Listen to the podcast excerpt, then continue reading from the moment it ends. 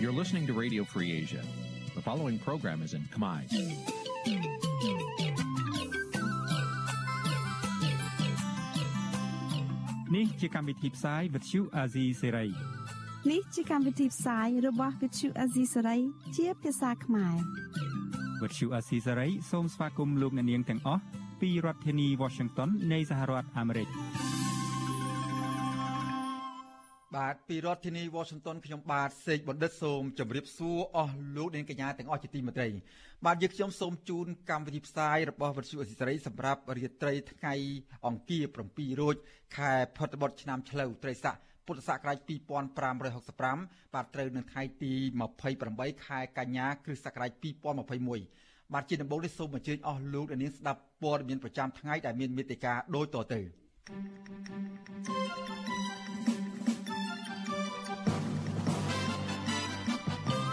បាទអ្នកធ្វើការងារផ្នែកប្រព័ន្ធផ្សព្វផ្សាយជំរុញឲ្យរដ្ឋាភិបាលពន្លឿនធ្វើច្បាប់ស្ដីពីសិទ្ធិទទួលបានព័ត៌មានក្រមសហជីពថាការដំឡើងប្រាក់ខែគោល2ដុល្លារគឺតិចតួចណាស់มันអាចធានាជីវភាពរស់នៅ របស់កម្មករបានសមរម្យនោះទេបាទនីតិវេទិកាអ្នកស្ដាប់សម្រាប់រយៈពេលនេះយើងនឹងជជែកពិភាក្សាគ្នាថាតើប្រជាពលរដ្ឋទូទៅ និងអ្នកសារព័ត៌មាន គួរមានសិទ្ធិដឹងឮរឿងអ្វីខ្លះនៅក្នុងសង្គមបាទរួមនឹងព័ត៌មានផ្សេងផ្សេងៗមួយចំនួនទៀត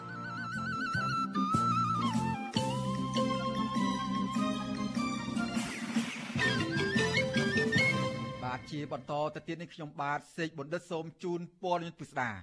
បាទលោកនាងកញ្ញាជាទីមេត្រីអ្នកធ្វើការងារពាក់ព័ន្ធនឹងប្រព័ន្ធផ្សព្វផ្សាយជំរុញទៅក្រសួងព័ត៌មានឲ្យពន្លឿនធ្វើច្បាប់ស្ដីពីសិទ្ធិទទួលបានព័ត៌មាន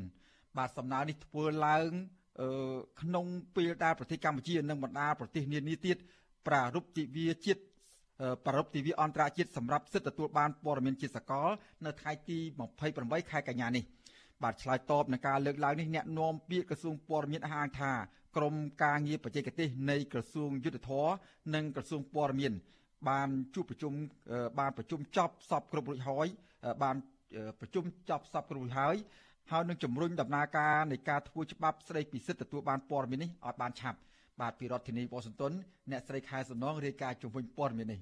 អង្គការ UNESCO សហការជាមួយក្រសួងព័ត៌មានស្ថាប័នពាក់ព័ន្ធនិងអង្គការសង្គមស៊ីវិលប្រារព្ធទិវាអន្តរជាតិសម្រាប់សិទ្ធិទទួលព័ត៌មានជាសកលក្រោមប្រធានបទសិទ្ធិដឹង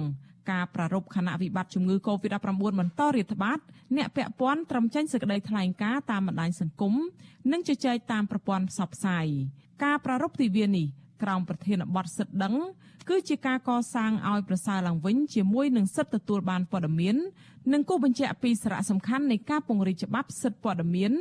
និងការអនុវត្តច្បាប់នេះនៅទូទាំងពិភពលោកដើម្បីកសាងស្ថាប័នដ៏រឹងមាំសម្រាប់អភិវឌ្ឍក៏ដូចជាការពង្រឹងកិច្ចសហប្រតិបត្តិការក្នុងការអនុវត្តសិទ្ធិទទួលបានព័ត៌មានអង្គការ UNESCO ដែលទទួលបន្ទុកលើកកម្ពស់ការផ្សព្វផ្សាយពីលំហនៃគំនិតសេរីបានបង្កើតយុទ្ធនាការតាមប្រព័ន្ធអនឡាញដើម្បីបង្ហាញពីសារៈសំខាន់នៃសិទ្ធិក្នុងការទទួលបានព័ត៌មានសម្រាប់មនុស្សគ្រប់គ្នា ដើម្បីធានាថាគ្មាននរណាម្នាក់មិនទទួលបានសិទ្ធិនេះ អង្គការ UNESCO បានពំនាំនៅសម្លេងចម្រុះរបស់ពលរដ្ឋដើម្បីបង្ហាញបញ្ហាប្រឈមក្នុងការស្វែងរក និងការទទួលបានព័ត៌មានចាំបាច់ដើម្បីឲ្យមានការសម្រេចចិត្តត្រឹមត្រូវនិងធ្វើឲ្យការរស់នៅរបស់ពលរដ្ឋកាន់តែប្រសើរឡើងរីឯសម្ព័ន្ធអ្នកសារព័ត៌មានកម្ពុជាកម្ពុជាបានលើកឡើងដែរថាមនុស្សគ្រប់រូបមានសិទ្ធិនិងសេរីភាពក្នុងការទទួលបានព័ត៌មាន ប្រពន្ធដដែលបន្តថាការទទួលបានព័ត៌មានមានសារៈសំខាន់សម្រាប់សង្គមប្រជាធិបតេយ្យកម្ពុជាលើកឡើងទៀតថាការទទួលបានព័ត៌មានផ្ដល់សិទ្ធិអំណាចដល់ប្រជាពលរដ្ឋក្នុងការទទួលបានដំណឹងពីស្ថាប័នសាធារណៈនិងអាចឲ្យតំណាងរបស់ពួកគេមានវត្តមានក្នុងការជជែកដេញដោលជាសាធារណៈផងដែរ។ សិទ្ធិទទួលបានព័ត៌មានត្រូវបានទទួលស្គាល់និងប្រកាសកាលពីថ្ងៃទី15ខែតុលាឆ្នាំ2019នៅឯមហាសន្និបាតអង្គការសហប្រជាជាតិលើកទី74ដោយកំណត់យកថ្ងៃទី28ខែកញ្ញាជាទិវាអន្តរជាតិសម្រាប់សិទ្ធិទទួលព័ត៌មានជាសកលនាយកប្រតិបត្តិនៃសម្ព័ន្ធអ្នកសារព័ត៌មានកម្ពុជាកម្ពុជាលោកណូវីឲ្យវិទ្យុអាស៊ីសេរីដឹងនៅថ្ងៃទី28កញ្ញាថា អង្គការសង្គមស៊ីវិលនិងអ្នកពាក់ព័ន្ធបានអបអរសិទ្ធិទទួលព័ត៌មាននិងធ្វើសន្និសីទថ្នាក់ជាតិរួចហើយកាលពីប្រមាណថ្ងៃមុនលោកបន្តថាចំពោះថ្ងៃនៃការប្រារព្ធពិធីនេះអង្គការ UNESCO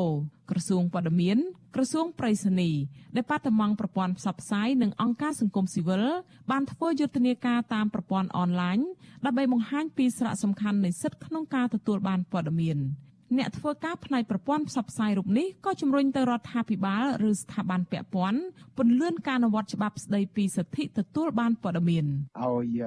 ជំរុញការអនុម័តច្បាប់ស្តីពីសិទ្ធិទទួលព័ត៌មានឲ្យបានឆាប់រហ័សធ្វើម៉េចក៏ដោយជំរុញឲ្យមានការចូលរួមរបស់ប្រជាពលរដ្ឋឲ្យបានកាន់តែច្រើនឡើងនៅក្នុងការ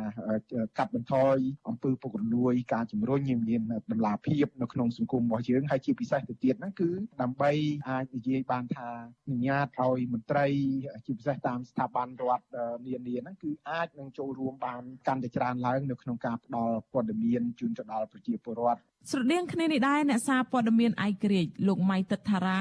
និយាយថាអ្នកសារព័ត៌មានជួបការលំបាកក្នុងការប្រមូលយកព័ត៌មានមកផ្សព្វផ្សាយនៅពេលដែលមិនទាន់មានច្បាប់ស្តីពីសិទ្ធិទទួលបានព័ត៌មាន ដោយសពថ្ងៃនេះយើងឃើញថាមានការលំបាកជាខ្លាំងដោយសារតែនៅពេលដែលអ្នកសារព័ត៌មានគាត់ពេញភារកិច្ចរបស់គាត់ទៅគាត់ពិបាកទទួលបានព័ត៌មានពីខាងមន្ត្រីមួយចំនួនដោយសារគាត់ បាននិយាយថាជាការងារមួយចំនួននោះវាតកតងទៅនឹងសន្តិសុខសង្គមអញ្ចឹងទៅគាត់មិនអាចផ្ដល់ព័ត៌មាននេះបានខ្ញុំនៅទទូចឲ្យរដ្ឋាភិបាលមេតាធ្វើម៉េចជំរុញឲ្យច្បាប់សិទ្ធិទទួលព័ត៌មាននឹងឲ្យបានចេញឡើងឆាប់អ្នកនាំពាក្យក្រសួងព័ត៌មានលោកមាសសុភ័ណ្ឌនិយាយថារដ្ឋាភិបាលបានយកចិត្តទុកដាក់ពន្លឿនធ្វើសក្តីព្រៀងច្បាប់ស្តីពីសិទ្ធិទទួលបានព័ត៌មានលោកថាកាលពីព្រឹកថ្ងៃទី28ខែកញ្ញាក្រុមការងារបច្ចេកទេសនៃក្រសួងយុតិធធនិងក្រសួងព័ត៌មានបានប្រជុំចប់សពគ្រប់រួចរាល់ហើយកំពុងរៀបចំរបាយការណ៍ដាក់ជូនទៅរដ្ឋមន្ត្រីក្រសួងទាំងពីរដើម្បីធ្វើការពិនិត្យមុននឹងបញ្ជូនទៅទីស្តីការគណៈរដ្ឋមន្ត្រីយើងនឹងបន្តសិទ្ធិកម្មបន្ថែមទៀតក្នុងការជំរុញរៀបចំឯកសារពាក់ព័ន្ធផ្សេងៗទៅនឹងសេចក្តីព្រាងច្បាប់នេះដើម្បីដាក់តាមសុំទៅទីស្តីការគណៈរដ្ឋមន្ត្រីក៏ដូចជាស្ថាប័នដែលបញ្ញត្តិតាមតែវិធីច្បាប់ឲ្យបានកាន់ តែឆាប់តាមដែលអាចធ្វើទៅបានសេចក្តីព្រាងច្បាប់ស្តីពីសិទ្ធិទទួលបានព័ត៌មានបានតាក់តែងនិងពិភាក្សាជាច្រើនលើកមកហើយក្នុងរយៈពេលជាងមួយទសវត្សរ៍ប៉ុន្តែមិនទាន់ចេញជាច្បាប់បាននៅឡើយទេនាយិកាអង្គការ UNESCO អ្នកស្រី Audrey Azoulay លើកឡើងនៅក្នុងទិវាអន្តរជាតិសម្រាប់សិទ្ធិទទួលបានព័ត៌មានជាសកលថា ការទទួលបានព័ត៌មានដែលអាចជឿទុកចិត្តអាចជួយសង្គ្រោះជីវិត ប៉ុន្តែអ្នកស្រីថាព័ត៌មានដែលមិនពិតនិងចចាមអារាមអាចបង្កគ្រោះថ្នាក់ដល់សង្គមជាតិចា៎នាងខ្ញុំខែសុណងវិទ្យុអាស៊ីសេរីរាយការណ៍ពីរដ្ឋធានី Washington បាទលោកនាងកញ្ញាជាទីមេត្រីលោកនាងកំពុងតាមដានស្ដាប់ការផ្សាយរបស់វិទ្យុអាស៊ីសេរីពីរដ្ឋធានី Washington សហរដ្ឋអាមេរិកបាទអង្គការ UNESCO សហការជាមួយនឹងក្រសួងព័ត៌មាន ក្រសួងប្រៃសណីនិងបាត់ដំបងប្រព័ន្ធផ្សព្វផ្សាយហៅកាត់ថា DMC និងអង្គការសង្គមស៊ីវិលមួយចំនួនទៀតបានរួមគ្នាប្រារព្ធទិវាអន្តរជាតិសម្រាប់សិទ្ធិទទួលបានព័ត៌មានជាសកលនៅឆ្នាំ2021នៅថ្ងៃទី28ខែកញ្ញានេះបាទសម្រាប់ឆ្នាំនេះអ្នកផ្ដួចផ្ដើមកម្មវិធីបានកំណត់យកប្រធានបទមួយគឺថាគឺសិទ្ធិដឹងដែលសំដៅទៅដល់ការកសាងឲ្យប្រសើរឡើងវិញនៅសិទ្ធិទទួលបានព័ត៌មានបាទតើប្រជាពលរដ្ឋនិងអ្នកសារព័ត៌មាន គួរមានសិទ្ធិដឹងអ្វីខ្លះនៅក្នុងសង្គមនោះបាទសូមអញ្ជើញអស់លោកនាងរងចាំស្ដាប់នីតិវិទ្យាអ្នកស្ដាប់របស់វិទ្យុអាស៊ីសេរីដែលនឹងចាប់ផ្ដើមនៅពេលខាងមុខបន្តិចនេះបន្តិចទៀតនេះបាទប្រសិទ្ធបើជាលោកនាងមានចម្ងល់មានសំណួរចង់សួរទៅវាគ្មិនកិត្តិយសរបស់យើងដោយផ្ទាល់នោះបាទសូមអញ្ជើញអស់លោកនាងដាក់លេខទូរស័ព្ទនៅតាមខ្ទង់ comment Facebook និង YouTube ដែលកំពុងផ្សាយផ្ទាល់នៅពេលនេះហើយក្រុមការងាររបស់វិទ្យុអាស៊ីសេរីនឹងហៅត្រឡប់ទៅលោកអ្នកវិញបាទសូមអរគុណ thank you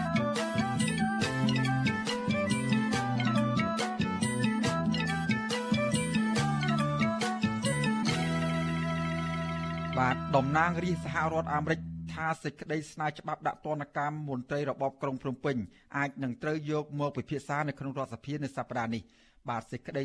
ស្នើច្បាប់នោះមានឈ្មោះថាច្បាប់ប្រជាធិបតេយ្យកម្ពុជា ឆ្នាំ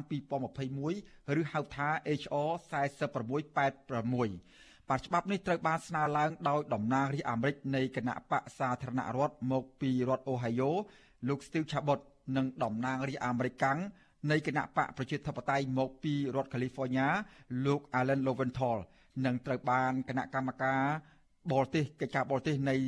រដ្ឋសភាអាមេរិកអនុម័តជាឯកច្ឆន្ទកាលពីចុងខែកក្កដា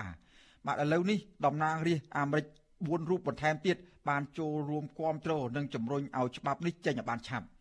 បាទកាលពីថ្ងៃទី24ខែកញ្ញាសេចក្តីស្នើច្បាប់នេះត្រូវបានចាត់ទុកជាការប្រញាប់ដោយត្រូវបាន កាត់ចូលទៅនឹងនីតិវិធីខ្លះដោយបានកាត់ចោលនៅនីតិវិធីខ្លះដើម្បីឈានទៅដល់ការអនុម័តច្បាប់នេះឲ្យបានឆាប់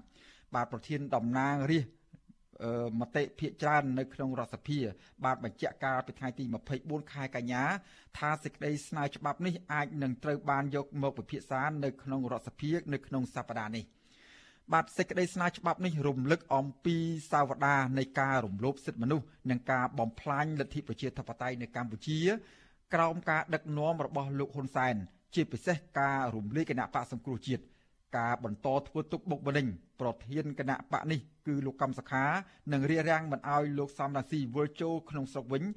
ជាដើមនោះបាទហើយសេចក្តីសារច្បាប់នេះនឹងក៏រំលឹកអំពីការដែលអាជ្ញាធររបបលោកហ៊ុនសែនបន្តចាប់ចងនិងធ្វើទុកបុកម្នេញសកម្មជនគណៈបកប្រឆាំងនិងការបោះឆ្នោតកន្លងមកដែលគ្មានភាពសេរីនិងត្រឹមត្រូវនិងយុត្តិធម៌នោះបាទគោលបំណងនេះសេចក្តីសារច្បាប់នេះគឺថាដើម្បីដាក់ទណ្ឌកម្មទៅលើមន្ត្រីជាន់ខ្ពស់នៃរបបលោកហ៊ុនសែនដើម្បីដាក់សម្ពាធឲ្យរបបនេះស្ដារសិទ្ធិមនុស្សលទ្ធិ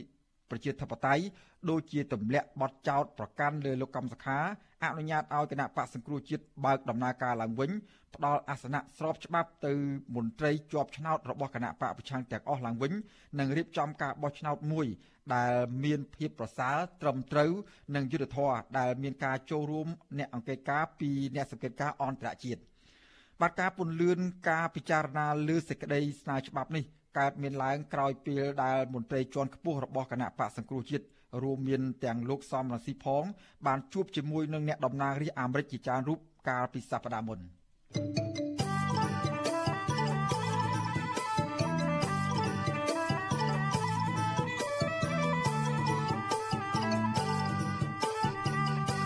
បាទតកពាន់នឹងបញ្ហាកម្មករកាត់ដេរវិញម្ដង បាទក្រមសហជីពឯករាជ្យសោកស្ដាយចំពោះការកំណត់ប្រាក់ខែគូលសម្រាប់កម្មករឆ្នាំ2022ថាមានចំនួន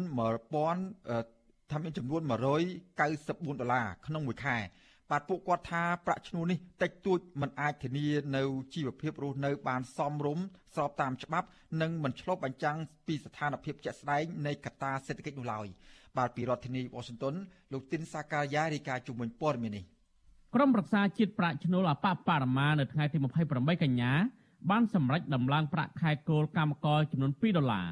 ក្រមប្រឹក្សាជាតិនេះបានរៀបចំបោះឆ្នោតកំណត់ចំនួន192ដុល្លារនិងរដ្ឋាភិបាលបន្ថែមចំនួន2ដុល្លារឬស្មើនឹងប្រាក់ឈ្នួលគោលចំនួន194ដុល្លារក្នុងមួយខែសម្រាប់កម្មករផ្នែកវិជ្ជាភ័ណ្ឌកាត់ដេរផលិតស្បែកជើងផលិតផលធ្វើដំណើរនិងកាបូបសម្រាប់ឆ្នាំ2022 បច្ចុប្បន្នប្រាក់ខែគោលគឺ192ដុល្លារប្រធានសម្ព័ន្ធសហជីពកម្ពុជាអ្នកស្រីយ៉ាងសុភ័ណ្ឌប្រាប់អសិរ័យក្រោយការបោះឆ្នោតថាអ្នកស្រីមិនគាំទ្រតួលេខប្រាក់ឈ្នួលគោលចំនួន192ដុល្លារនោះទេព្រោះតួលេខដែលបង្ហាញដោយភាគីខាងក្រសួងការងារគឺរក្សាតួលេខឆ្នាំចាស់និងបន្ថែមចំនួន2ដុល្លារពីរដ្ឋាភិបាលមិនឆ្លើយតបទៅនឹងបញ្ហាជីវភាពនិងតម្រូវការជាក់ស្ដែងរបស់កម្មករឡើយ អ្នកស្រីយ៉ាងសុភ័ណ្ឌថាភាគីនីមួយៗសុទ្ធតែទទួលស្គាល់ថាកម្មករជួបបញ្ហាជីវភាពលំបាកតម្លៃទំនិញលើទីផ្សារឡើងថ្លៃនិងបាត់បង់ប្រយោជន៍ផ្សេងផ្សេងស្របពេលការនាំចេញផលិតផលវិស័យកើនឡើងជាបន្តបន្ទាប់ប៉ុន្តែអ្នកស្រីសោកស្ដាយដល់ភាគីរដ្ឋាភិបាល និងនយោជកមានគាំទ្រតួលេខដំឡើងប្រាក់ខែគោលចំនួន204ដុល្លារដែលស្នើដោយខាងសហជីពអ្នកស្រីបន្ថែមថាសហជីពមួយចំនួនមិនប្រើប្រាស់ទូនាទីរបស់ខ្លួន ការពៀផលប្រយោជន៍ជូនកម្មករនោះទេអ្នកស្រីថាសហជីពរងចាំប្រឹក្សាយោបល់និងគាំទ្រការសម្រេចចិត្តរបស់កម្មករបើសិនជាពួកគាត់យល់ព្រមថាប្រាក់ឈ្នួលឆ្នាំបន្ទាប់នេះដែលមិនឆ្លើយតបទៅនឹងស្ថានភាពបច្ចុប្បន្នហើយពួកគាត់អាចប្រើប្រាស់សិទ្ធិស្របតាមច្បាប់ទាមទារបន្តទៀតមាន ច្បាប់ការងាររបស់យើងដែលបានចែងមកថាប្រាក់ឈ្នួលអបបរមាជាប្រាក់ឈ្នួលមួយដែលត្រូវធានាទៅការរស់នៅរបស់បងប្អូនកម្មករហើយមានជីវភាពសមរម្យនៅក្នុងសង្គមទៀតប៉ុន្តែសំណួរសួរថាតើឲ្យកម្មកររស់នៅសមរម្យយ៉ាងម៉េចទៅមើលការហូបចុករបស់កម្មករមើលទៅមើលផ្ទះស្នាក់នៅរបស់បងប្អូនកម្មករមើលទៅមើលការធ្វើដំណើររបស់បងប្អូនកម្មករមើលគាត់រស់នៅតាមបែបយថា កាលគាត់គាត់ធ្វើដំណើរជិះឡានទ្រុងគាត់រស់នៅមួយបន្ទប់4ជ្រុង3 4នាក់ហើយការហូបចុករបស់គាត់គាត់ទៅហូបអាហារមកពេល2500 3000នៅមុខក្រុមហ៊ុនសួរថាតើអាហ្នឹងជាការគិតដល់ពួកគាត់អត់វិទ្យុអាស៊ីសេរីមិនអាចតកតងណែនាំពាក្យក្រសួងការងារនៅម្ដងម្ដងវិជ្ជាជីវៈលោកហេងសួរនិងអគ្គលេខាធិការសមាគមរោងចក្រកាត់ដេរនៅកម្ពុជាលោកខេនលូដើម្បីសុំការបញ្ជាក់បន្ថែមជំវិញនឹងបញ្ហានេះបានទេនៅថ្ងៃទី28កញ្ញា។ ក្រសួងការងារបានចេញសេចក្តីប្រកាសព័ត៌មាននៅថ្ងៃទី28កញ្ញាថាដោយភាគីពាក់ព័ន្ធមិនបានឯកភាពគ្នានៅតួលេខប្រាក់ឈ្នួលគោលណាមួយច្បាស់លាស់ដូច្នេះក្រុមរក្សាជាតិប្រាក់ឈ្នួលអបបរមាបានអនុវត្តនីតិវិធីបោះឆ្នោតសម្ងាត់ដែលជាយន្តការត្រីភាគីនិងមានសមាជិកតំណាងសហជីពនយោជកនិងរដ្ឋាភិបាលមានចំនួន17រូបស្មើគ្នា ក្រសួងបញ្ជាក់ថាតួលេខ192ដុល្លារដែលស្នើដល់រដ្ឋាភិបាលទទួលបានការគាំទ្រចំនួន45សម្លេងរីឯតួលេខ204ដុល្លារដែលស្នើដោយសហជីពទទួលបានការគាំទ្រចំនួន6សម្លេងទន្ទឹមនឹងនេះក្រមរក្សាជាតិប្រាក់ឈ្នួលអបបរមាបានស្នើតួលេខទៅរដ្ឋមន្ត្រីក្រសួងកាងារគឺសម្រេច192ដុល្លារក្នុងមួយខែបូកនឹង2ដុល្លារបន្ថែមទៀតពីរដ្ឋាភិបាលដូច្នេះ កម្មករម្នាក់ធ្វើការនៅផ្នែកវិជ្ជាភ័ណ្ឌកាត់ដេរផលិតស្បែកជើងផលិតផលធ្វើដំណើរនិងកាបូបសម្រាប់ឆ្នាំ2020ទទួលបានប្រាក់ខែគោលចំនួន192ដុល្លារក្នុងមួយខែពាក់ព័ន្ធនឹងរឿងនេះដែរប្រធានសហជីពប្រជាធិបតេយ្យកម្មករកាត់ដេរកម្ពុជាហៅកាត់ថា Sikadu លោកគង់អាទិត្យសង្កេតឃើញថាឆ្នាំនេះភាគីនីមួយៗបានជជែកដែលយោងលើភ័ស្តុតាងប៉ុន្តែប្រព័ន្ធនៃការសម្រេចនិងតំណាងបោះឆ្នោតកំណត់ប្រាក់ឈ្នួលគោលមិនបានឆ្លុះបញ្ចាំង ពីប្រសិទ្ធភាពនិងដំណាភាពតាំងពីដំបូងដោយសារសមាជិកភាពសហជីពឬមន្ត្រីភាគច្រើនស្និទ្ធទៅនឹងក្រុមថាកែដែលធ្វើឲ្យពួកគេបោះឆ្នោតគាំទ្រតួលេខខាងថាកែឬរដ្ឋាភិបាលដែលធ្វើឲ្យបាត់បង់ផលប្រយោជន៍នឹងតួលេខស្នើឡើងដោយតំណាងគណៈកម្មការមេដឹកនាំសហជីពរូបនេះយល់ថាការដំឡើងប្រាក់ឈ្នួល2ដុល្លារបន្ថែមទៀតនេះតិចតួចនិងមិនសមហេតុផលបើធៀបនឹងផលប៉ះពាល់កម្មករជាពិសេស មិនឆ្លោះបញ្ចាំងពីយុទ្ធធម៌ទាំងសងខាងនោះទេបងប្អូនកម្មករទូទាំងប្រទេសភ្ញាក់រលឹកនោះគឺថាយើងត្រូវធ្វើម៉េចឲ្យកម្មករហ្នឹងគាត់ធ្វើជាម្ចាស់នៃការតវ៉ាខ្លួនឯងហើយឲ្យការបោះឆ្នោតហ្នឹងតំណាងឲ្យកម្មករវាមិនដែលកម្មករណាគាត់ទៅទាចូលដដែលយក192ដដែលទេអញ្ចឹងការបោះឆ្នោតហ្នឹងគឺយើងឃើញថាមានបញ្ហានៅក្នុងហៅក្រមសហជីពតាំងពីដំបូងបាត់ទៅហើយកម្មកររោងចក្រកាត់ដេរនៅខេត្តកណ្ដាលលោកស្រីដោកសាវ៉ាន់ប្រាប់វិទ្យុអសិរ័យនៅថ្ងៃទី28កញ្ញាថា លោកស្រីខកចិត្តជាខ្លាំងនៅពេលទទួលដំណឹងថារដ្ឋាភិបាលដំឡើងប្រាក់ខែគោលបន្ថែមចំនួន2ដុល្លារសម្រាប់កម្មករនៅឆ្នាំបន្ទាប់ដោយមិនខ្វល់ពីទុកលំបាករបស់កម្មករដែលប្រឹងប្រែងធ្វើការទាំងប្រតិបត្តិឋានក្នុងអំឡុងពេលរាតត្បាតជំងឺ Covid-19 ដើម្បីជួយរក្សាប្រាក់ចំណេញឲ្យថៅកែនិងដំណើរការសេដ្ឋកិច្ចជាតិលោកស្រីអះអាងថាប្រាក់ខែគោលចំនួន194ដុល្លារក្នុងមួយខែនេះមិនអាចជួយឲ្យកម្មករមានជីវភាពរស់នៅសមរម្យបាននោះទេ ព្រោះស្ថានភាពបច្ចុប្បន្នកម្មករកំពុងតែជួបបញ្ហាជីវភាពដោយចំណាយច្រើនលើទំនិញលើទីផ្សារនិងផ្ទះជួលឡើងថ្លៃបង់ថ្លៃទឹកភ្លើង និងបំណុលធនាគារជាដើម។ ឯកាត់ដេរដូចយើងមួយទៀតឥឡូវហ្នឹងបញ្ជូនម៉ាស៊ីនធំធំដើម្បីឲ្យកម្មករយើងរត់ម្នាក់ឯងពីម៉ាស៊ីនក៏មានកាត់បន្ថយកម្លាំងកម្មករដាក់ម៉ាស៊ីនស្វ័យប្រវត្តិមកហើយខ្ញុំជឿជាក់ថាក្នុងឆ្នាំថ្មីនេះដំឡើង2ដុល្លារនេះប្រកាសគឺបខំហើយនឹងដំឡើងចំនួននៅអ្វីដែលកម្មករគាត់ធ្វើព្រោះគាត់អាងថាលុយឡើងហើយអញ្ចឹងការងារត្រូវឡើងហើយអញ្ចឹងគាត់គិតថា2ដុល្លាររបស់គាត់នោះវាធ្វើផឹកកធក់ដូចស្មើនឹង20000ដុល្លារអញ្ចឹងក្រុមសហជីពឯករាជ្យអះអាងថាប្រាក់ឈ្នួលគោលនេះ មិនឆ្លើយតបជំវិញនឹងតម្រូវការជាក់ស្ដែងរបស់កម្មករដែលកំពុងតែជួបបញ្ហាលំបាកដោយសារតែសេដ្ឋកិច្ចសង្គមសុខភាពហើយលើសពីនេះទៀតក្រុមសហជីពក៏បានរកឃើញថាក្នុងសមាជិកគ្រួសារកម្មករដែលមានគ្នា5នាក់គឺមានសមាជិក2នាក់ប៉ុណ្ណោះដែលរកប្រាក់ចំណូលសម្រាប់គ្រប់គ្រងក្នុងគ្រួសាររីឯប្រាក់ចំណូលទៀតសោតក៏មានចំនួនតិចតួចមិនអាចទ្រទ្រង់ក្នុងជីវភាពរស់នៅប្រចាំថ្ងៃបានសមរម្យនោះទេដោយសារពួកគេ ត្រូវការចាយវាប្រចាំថ្ងៃសងប្រាក់បំណុលធនាគារនិងមីក្រូហិរញ្ញវត្ថុព្រមទាំងចំណាយលើការឈឺថ្កាត់ទៀតផងខ្ញុំទីនសាការីយ៉ាអសិសរីប្រធានីវ៉ាស៊ីនតោនបាទបាទលោកនាងកញ្ញាជាទីមេត្រីពាក់ព័ន្ធនឹងការតម្លើងប្រាក់ខែគោលកម្មករផ្នែកវិទ្យាភ័ណ្ឌកាត់ដេរនិងផលិតផលស្បែកជើងដោយបន្ថែមចំនួន2ដុល្លារទៅលើប្រាក់ឈ្នួលចាស់192ដុល្លារនេះ បាទអ្នកស្រីសុជីវីនឹងមកសម្ភាសជាមួយនឹងតំណាងសហជីពកម្មករបន្ថែមទៀតក្នុងការផ្សាយរបស់យើងនាពេលបន្តិចទៀតខាងមុខនេះបាទក៏ប៉ុន្តែមុនទៅដល់កិច្ចសភានេះខ្ញុំបាទសូមជួបអ្នកស្រីសុជីវីបន្តិចសិនបាទសូមជម្រាបសួរសុជីវីបាទចាជម្រាបសួរលោកសេមដិតហើយជម្រាបសួរដល់លោកអ្នកនាងដែលជាប្រិយមិត្តរបស់វិទ្យុអាស៊ីសេរីនៅយុគនេះផងចា បាទជីវិតនៅក្នុងបទសម្ភាសជាមួយនឹងមេដឹកនាំកម្មករនៅពេលខាងមុខនេះតើនឹងផ្ដោតលើបញ្ហាអ្វីសំខាន់ពាក់ព័ន្ធនឹងស្ថានភាពនិងជីវភាពរស់នៅរបស់ក្រុមកម្មករនោះបាទចាអរគុណលោកសេមដិតចាលោកនាងបានលើហើយពីសេចក្តីរាយការណ៍របស់លោកទីនសការីយ៉ាដែលរៀបរាប់អំពីស្ថានភាពនៃការទីមទាដំឡើងប្រាក់ ឈ្នួលគោលសម្រាប់កម្មករហើយក្នុងនោះគឺមាន2ដុល្លារត្រូវដំឡើងសម្រាប់ឆ្នាំ2022ខាងមុខនៅក្នុងកិច្ចពិភាក្សាបន្តទៅទៀតនោះចានេះខ្ញុំនឹងជជែកលើចំណុចសំខាន់មួយចំនួនក្នុងនោះយើងនឹងពិនិត្យមើលថាតើមានហេតុផលអ្វីខ្លះដែលនៅពីក្រោយការចរចាដំឡើងប្រាក់ឈ្នួលគោលសម្រាប់កម្មករនេះចាហើយថាតើអ្នកណាដែលជាអ្នកមានឥទ្ធិពលពីព្រោះយើងដឹងថា2ដុល្លារនេះគឺផ្ដល់ សម្រាប់ផ្ដល់ឲ្យដល់លោកហ៊ុនសែនតើលោកហ៊ុនសែនឬក៏នយោជកឬក៏ថៃកែនោះដែលជាអ្នកមានឥទ្ធិពលទៅលើការចរចាដំឡើងប្រាក់ឈ្នួលគោលនេះហើយមួយវិញទៀតចាយើងនៅពិនិត្យមើលផងដែរថាតើកម្មករដែលជាអ្នកទទួលប្រាក់ឈ្នួលគោលនោះពួកគាត់ពិតជាទទួលបានអត្ថប្រយោជន៍ពីការដំឡើង2ដុល្លារនេះដែរឬទេឬក៏គាត់មានបញ្ហាប្រឈមអ្វីបន្ថែមទៀតនៅពេលដែលដំឡើងបាន2ដុល្លារនេះចាលោកសេមនិត បាទអរគុណសុជីវីលោកដាននឹងបានជួបជាមួយនឹងអ្នកស្រីសុជីវីនៅពេលបន្តិចនេះបាទសូមអរគុណជម្រាបលាតែប៉ុណ្្នឹងសិនបាទចាសូមអរគុណ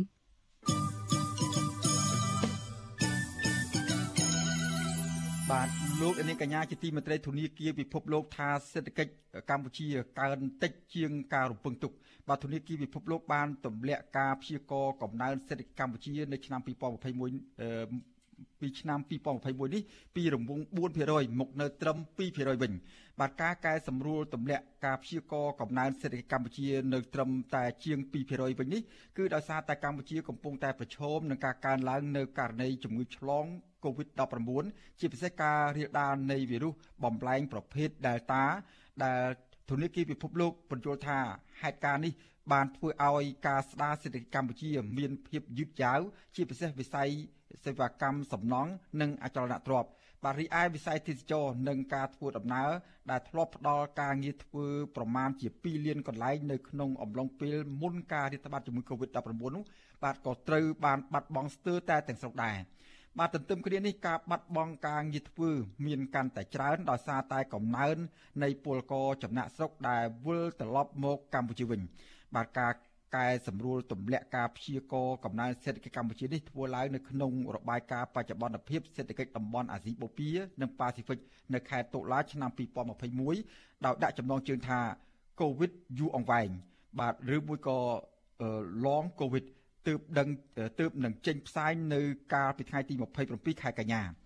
បាទធនាគារពិភពលោកប្រមានថាបើទោះបីជាមានការជឿនលឿននៃការចាក់វ៉ាក់សាំងយ៉ាងណាក៏ដោយក៏ហានិភ័យផ្ទុះឡើងនៃការឆ្លងនិងរារាំងធ្វើឲ្យមានការរាំងស្ទះនៅតែមានកម្រិតខ្ពស់ដដែលដោយសារករណីឆ្លង និងស្លាប់ជាបន្តបន្ទាប់ដោយសារតែជំងឺ Covid-19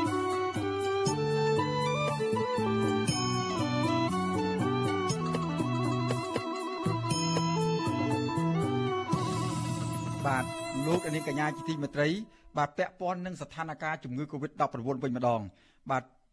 ជំងឺអ្នកជំងឺ Covid-19 ចំនួន26អ្នកទៀតបានស្លាប់ដែលធ្វើឲ្យករណីស្លាប់ដោយសារតែជំងឺនេះបានកើនឡើងដល់ជិត2300អ្នកហើយគិតត្រឹមថ្ងៃទី28ខែកញ្ញាបាទចំពោះករណីឆ្លងថ្មីវិញមានចំនួន866អ្នកនៅថ្ងៃដដែលនេះក្នុងនោះចំនួន83អ្នកជាករណីនាំចូលពីក្រៅប្រទេស បាទគិតត្រឹមព្រឹកថ្ងៃទី28ខែកញ្ញាកម្ពុជាមានអ្នកកើតជំងឺ Covid-19 ជាង110,000នាក់ក្នុងនោះអ្នកជាសះស្បើយមានចំនួនជាង100,000នាក់បាទជាមួយគ្នានេះដែរវ៉ាក់សាំងបង្ការជំងឺ Covid-19 ឈ្មោះ Sinovac របស់ចិននោះចំនួន3លានដូសបន្ថែមទៀតដែលរដ្ឋាភិបាលក្រុងភ្នំពេញបញ្ជាទិញបានដឹកមកដល់រាជធានីភ្នំពេញហើយនៅព្រឹកថ្ងៃទី28ខែកញ្ញា បាទគិតត្រឹមថ្ងៃទី28ខែកញ្ញាកម្ពុជាបានទទួលវ៉ាក់សាំងការពារជំងឺ Covid-19 ទាំងការបញ្ជាទិញនិងជាជំនួយពីប្រទេសជាមិត្តសរុបចំនួនជាង35លានដូសហើយក្នុងនោះវ៉ាក់សាំងជាងពីវ៉ាក់សាំងជាង28លានដូសត្រូវបានរដ្ឋាភិបាលចំណាយប្រាក់ជាង280លាន280លានដុល្លារអាមេរិកទិញមកពីប្រទេសចិន។ ចំពោះការចាក់វ៉ាក់សាំងបង្ការជំងឺ Covid-19 វិញក្រសួងសុខាភិបាលប្រកាសថាគិតត្រឹមថ្ងៃទី27ខែកញ្ញារ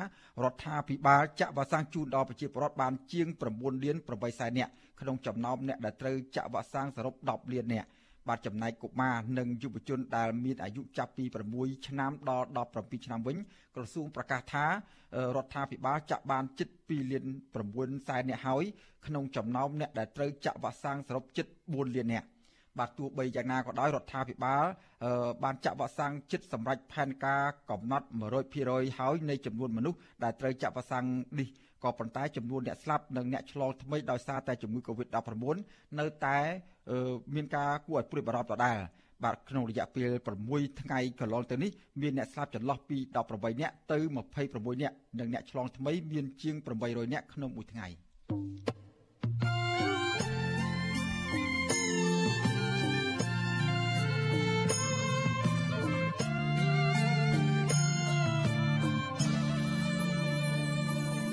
លោកនាងកញ្ញាជាទីមេត្រីលោកនាងកំពុងតាមដានស្ដាប់ការផ្សាយរបស់វិទ្យុអស៊ីសេរីពីរដ្ឋធានីវ៉ាស៊ីនតោនសហរដ្ឋអាមេរិកបាទលោកនាងក៏អាចស្ដាប់ការផ្សាយវិទ្យុអស៊ីសេរីដំណើរគ្នានឹងការផ្សាយលើបណ្ដាញសង្គម Facebook និង YouTube តាមរយៈរលកធាតុអាកាសខ្លីឬ Shortwave តាមកម្រិតនិងកម្ពស់ដូចតទៅនេះបាទពេលព្រឹកចាប់ពីម៉ោង5កន្លះដល់ម៉ោង6កន្លះតាមរយៈរលកធាតុអាកាសខ្លី13715 kHz ស្មើនឹងកម្ពស់ 22m បាទនៅពេលយប់ចាប់ពីម៉ោង7កន្លះដល់ម៉ោង8កន្លះ តាមរយៈរលកធាតុអាកាសខ្លី9960 kHz ស្មើនឹងកម្ពស់ 30m និង11240 kHz ស្មើនឹងកម្ពស់ 25m បាទសូមអរគុណ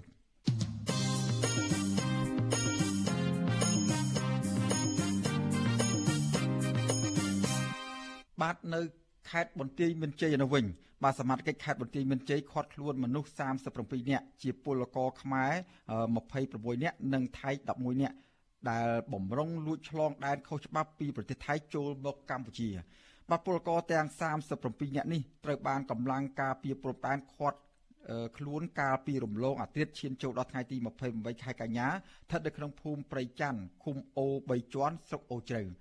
បាទកងកម្លាំងការពារព្រំដែនបដូរវេនគ្នាចុះល្បាតតាមព្រំដែនកម្ពុជាថៃ24ម៉ោងក្នុងមួយថ្ងៃដើម្បីទប់ស្កាត់ពលករលួចឆ្លងដែនខុសច្បាប់និងការឆ្លងរាលដាលនៃជំងឺ Covid-19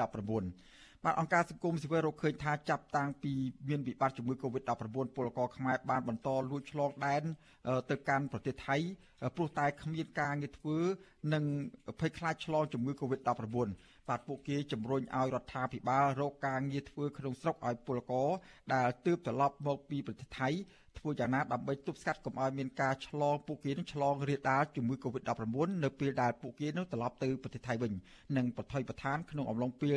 កំពុងតែស្វែងរកការងារធ្វើនិងឆ្លងដែនទៅប្រទេសថៃនោះបាទបាទលោកនាងកញ្ញាជាទីមេត្រីលោកនាងទើបបានស្ដាប់ ព័ត៌មានប្រចាំថ្ងៃដែលជម្រាបជូនដោយខ្ញុំបាទសេងបណ្ឌិតហើយជាបន្តទៅទៀតនេះសូមអញ្ជើញអស់លោកនាងរងចាំស្ដាប់នីតិវេទិកាដែលស្ដាប់របស់វិទ្យុអសីសេរីដែលនឹងចាប់ផ្ដើមនៅពេលបន្តិចទៀតនេះ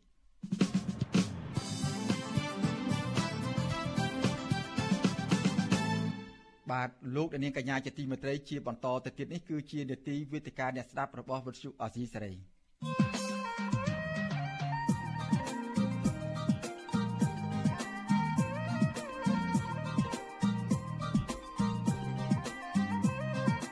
វេទិកាអ្នកស្ដាប់វិទ្យុអាស៊ីសេរី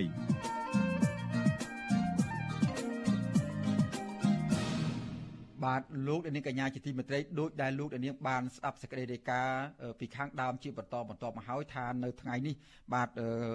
អង្គការ UNESCO សហការជាមួយនឹងក្រសួងព័ត៌មានក្រសួងប្រៃសណី Department ប្រព័ន្ធផ្សព្វផ្សាយហៅកាត់ថា DMC និងអង្គការសង្គមស៊ីវិលមួយចំនួនទៀតបានរួមគ្នាប្រារព្ធទិវា អន្តរជាតិសម្រាប់សិទ្ធិទទួលបានព័ត៌មានជាសកលនៅឆ្នាំ2021នៅថ្ងៃទី28ខែកញ្ញានេះបាទសម្រាប់ឆ្នាំនេះគឺតេពុជផ្ដើមទាំងអស់បានមូលមតិគ្នាដោយលើកឡើងនៅប្រធានបទដែលមានដោយដាក់ឈ្មោះថាសិទ្ធិដឹងដែលសម្ដៅទៅដល់ការកសាងឲ្យប្រសើរឡើងវិញនិងសិទ្ធិទទួលបានព័ត៌មាន បាទតើប្រជាពលរដ្ឋនិងអ្នកសារព័ត៌មានគួរមានសិទ្ធិដឹងលើអ្វីខ្លះក្នុងបញ្ហាសង្គមនេះបាទសូមលោករនាងរងចាំស្ដាប់កិច្ចពិភាក្សាអំពីព័ត៌មាននេះបាទដោយយើងនៅថ្ងៃនេះយើងបានអញ្ជើញវាគ្មិនពីររូបដែលជាអ្នកជំនាញសារព័ត៌មាននិងមកពីអង្គការសង្គមស៊ីវិលដែលធ្វើការងារពាក់ព័ន្ធនឹងផ្នែកសារព័ត៌មាននិងការផ្សព្វផ្សាយនេះគឺមានលោកណុកវីបាទគឺលោកណុកវីគឺជានាយកប្រតិបត្តិសម្ព័ន្ធអ្នកសារព័ត៌មានកម្ពុជាហៅកាត់ថាកម្ពុជា ហើយវាគ្មិនយើងមួយរូបទៀតគឺលោកឡាំសុជាតិបាទលោកឡាំសុជាតិគឺជានាយកប្រតិបត្តិនៃវិទ្យាស្ថានតស៊ូមតិនគរនយោបាយឥឡូវនេះខ្ញុំបានឃើញវត្តមានលោកទាំងពីរនៅលើកញ្ចក់ការផ្សាយផ្ទាល់របស់វិទ្យុអស៊ីសេរីនៅពេលនេះហើយខ្ញុំបាទសូមជម្រាបសួរលោកទាំងពីរតែម្ដងបាទជម្រាបសួរលោកសិទ្ធបាទជំរាបសួរបាទ អរគុណលោកវិទ្យាមិនទាំងពីរដែលបានចំណាយពេលវេលាដ៏មានតម្លៃចូលរួមនៅក្នុងកិច្ចពិភាក្សាជាមួយនឹងវិទ្យុអាស៊ីសេរីសម្រាប់នៅទីនេះយើងខ្ញុំបានលើសម្លេងលោកទាំងពីរច្បាស់ហើយអរគុណណាស់បាទដល់ជាដំបូងនេះខ្ញុំចង់ជំរាបសួរទៅលោកណប់វីដោយសារតែលោកណប់វីនេះជាអ្នកដែលកំពុងធ្វើការយ៉ាងសកម្មឃ្លាំមើលទៅលើសិទ្ធិអ្នកសារព័ត៌មាននិង ការដែលវិវត្តទៅថ្មីថ្មីទៀតនៃការតាក់តែងច្បាប់សេចក្តីពីច្បាប់ផ្សេងផ្សេងពាក់ព័ន្ធនឹងសិទ្ធិទទួលបានព័ត៌មាននេះបាទចំពោះការដែលសម្រេចគ្នាថាទាំងអង្គការសង្គមស៊ីវិលទាំងក្រសួងព័ត៌មានសម្រាប់ថាយកប្រធានបទរួមមួយពាក់ព័ន្ធនឹងប្រធានបទធំ ដែលជាថាសិទ្ធិទទួលបានព័ត៌មាននោះដោយលើកថាសិទ្ធិដឹងតើ មានសារៈសំខាន់យ៉ាងម៉េចបានជានាំគ្នាលើកយកអាសិទ្ធិដឹងនេះយកមកពិភាក្សាគ្នាហើយប្ររពនៅក្នុងថ្ងៃសិទ្ធិទទួលបានព័ត៌មាននៅក្នុងពេលនេះបាទបាទអរគុណលោកសេកបណ្ឌិតហើយសូមជំរាបសួរលោកឡាំសុជាតិបាទនិងជំរាបសួរដល់បងប្អូនប្រជាពលរដ្ឋអ្នកស្ដាប់វិទ្យុអស៊ីសេរីទាំងអស់កំពុងឬមួយក៏អ្នកដែលកំពុងតែតាមដានទស្សនាអឺជាការពិតបើសិនជាអឺ សម្រាប់ខ្ញុំមិនមែនទេទៅយើងក៏អត់បានចូលរួមនៅក្នុងការជជែកអំពីប្រធានបទដាក់ថាសិទ្ធដឹងនឹងដែរប៉ុន្តែខ្ញុំគិតថាប្រធានបទនេះគឺសំខាន់សិទ្ធដឹងបើនិយាយមែនទែនគឺសិទ្ធទទួលព័ត៌មានមានន័យថាយើងដែលជាប្រជាពលរដ្ឋគ្រប់រូបនៅក្នុងសង្គមប្រជាធិបតេយ្យយើងយើងដឹងហើយថាប្រជាធិបតេយ្យប្រជាពលរដ្ឋលោកគឺជាម្ចាស់ប្រទេសម្ចាស់អំណាចហើយគាត់ជ្រើសរើសអ្នកតំណាងឬក៏ រដ្ឋាភិបាលតាមរយៈការបោះឆ្នោតដូច្នេះនៅក្នុងដំណើរការនៃសង្គមប្រជាធិបតេយ្យនៅក្នុងដំណើរការនៃការដឹកនាំរដ្ឋមួយគឺចាំបាច់ណាស់ដែលប្រជាពលរដ្ឋដែលជាម្ចាស់អំណាចដែលជាម្ចាស់ប្រទេសហ្នឹងគឺគាត់ត្រូវដឹងអំពីដំណើរការនៃការអភិវឌ្ឍប្រទេសជាតិដំណើរការនៃការចូលរួមឬមួយក៏ដំណើរការនៃការអភិវឌ្ឍនៅក្នុងផ្នែកណាមួយនៅក្នុង សង្គមរបស់គាត់នេះគឺជារឿងមួយគឺជាជំហានមួយនៅក្នុងដំណើរការនៅក្នុងសង្គមប្រជាធិបតេយ្យហើយដូចយើងបានដឹងហើយថានៅក្នុងរយៈពេលកន្លងមកនេះយើងឃើញមានការប្រឹងប្រែងច្រើនពីថ្នាក់ដឹកនាំរដ្ឋាភិបាលក៏ប៉ុន្តែយ៉ាងណាក៏ដោយគឺយើងទទួលស្គាល់ថានៅមានផ្នែកខ្លះដែលយើងត្រូវនាំគ្នាចូលរួមនឹងយកចិត្តទុកដាក់ច្រើនថែមទៀតដូចឧទាហរណ៍ ស្ថានភាពនៃការធ្លាក់ចុះនៃសិទ្ធិបញ្ចេញមតិសិទ្ធិនយោបាយរបស់ប្រជាពលរដ្ឋដូចជាការចូលរួមរបស់ប្រជាពលរដ្ឋនៅក្នុងការចូលឈ្មោះបោះឆ្នោតនៅក្នុងការ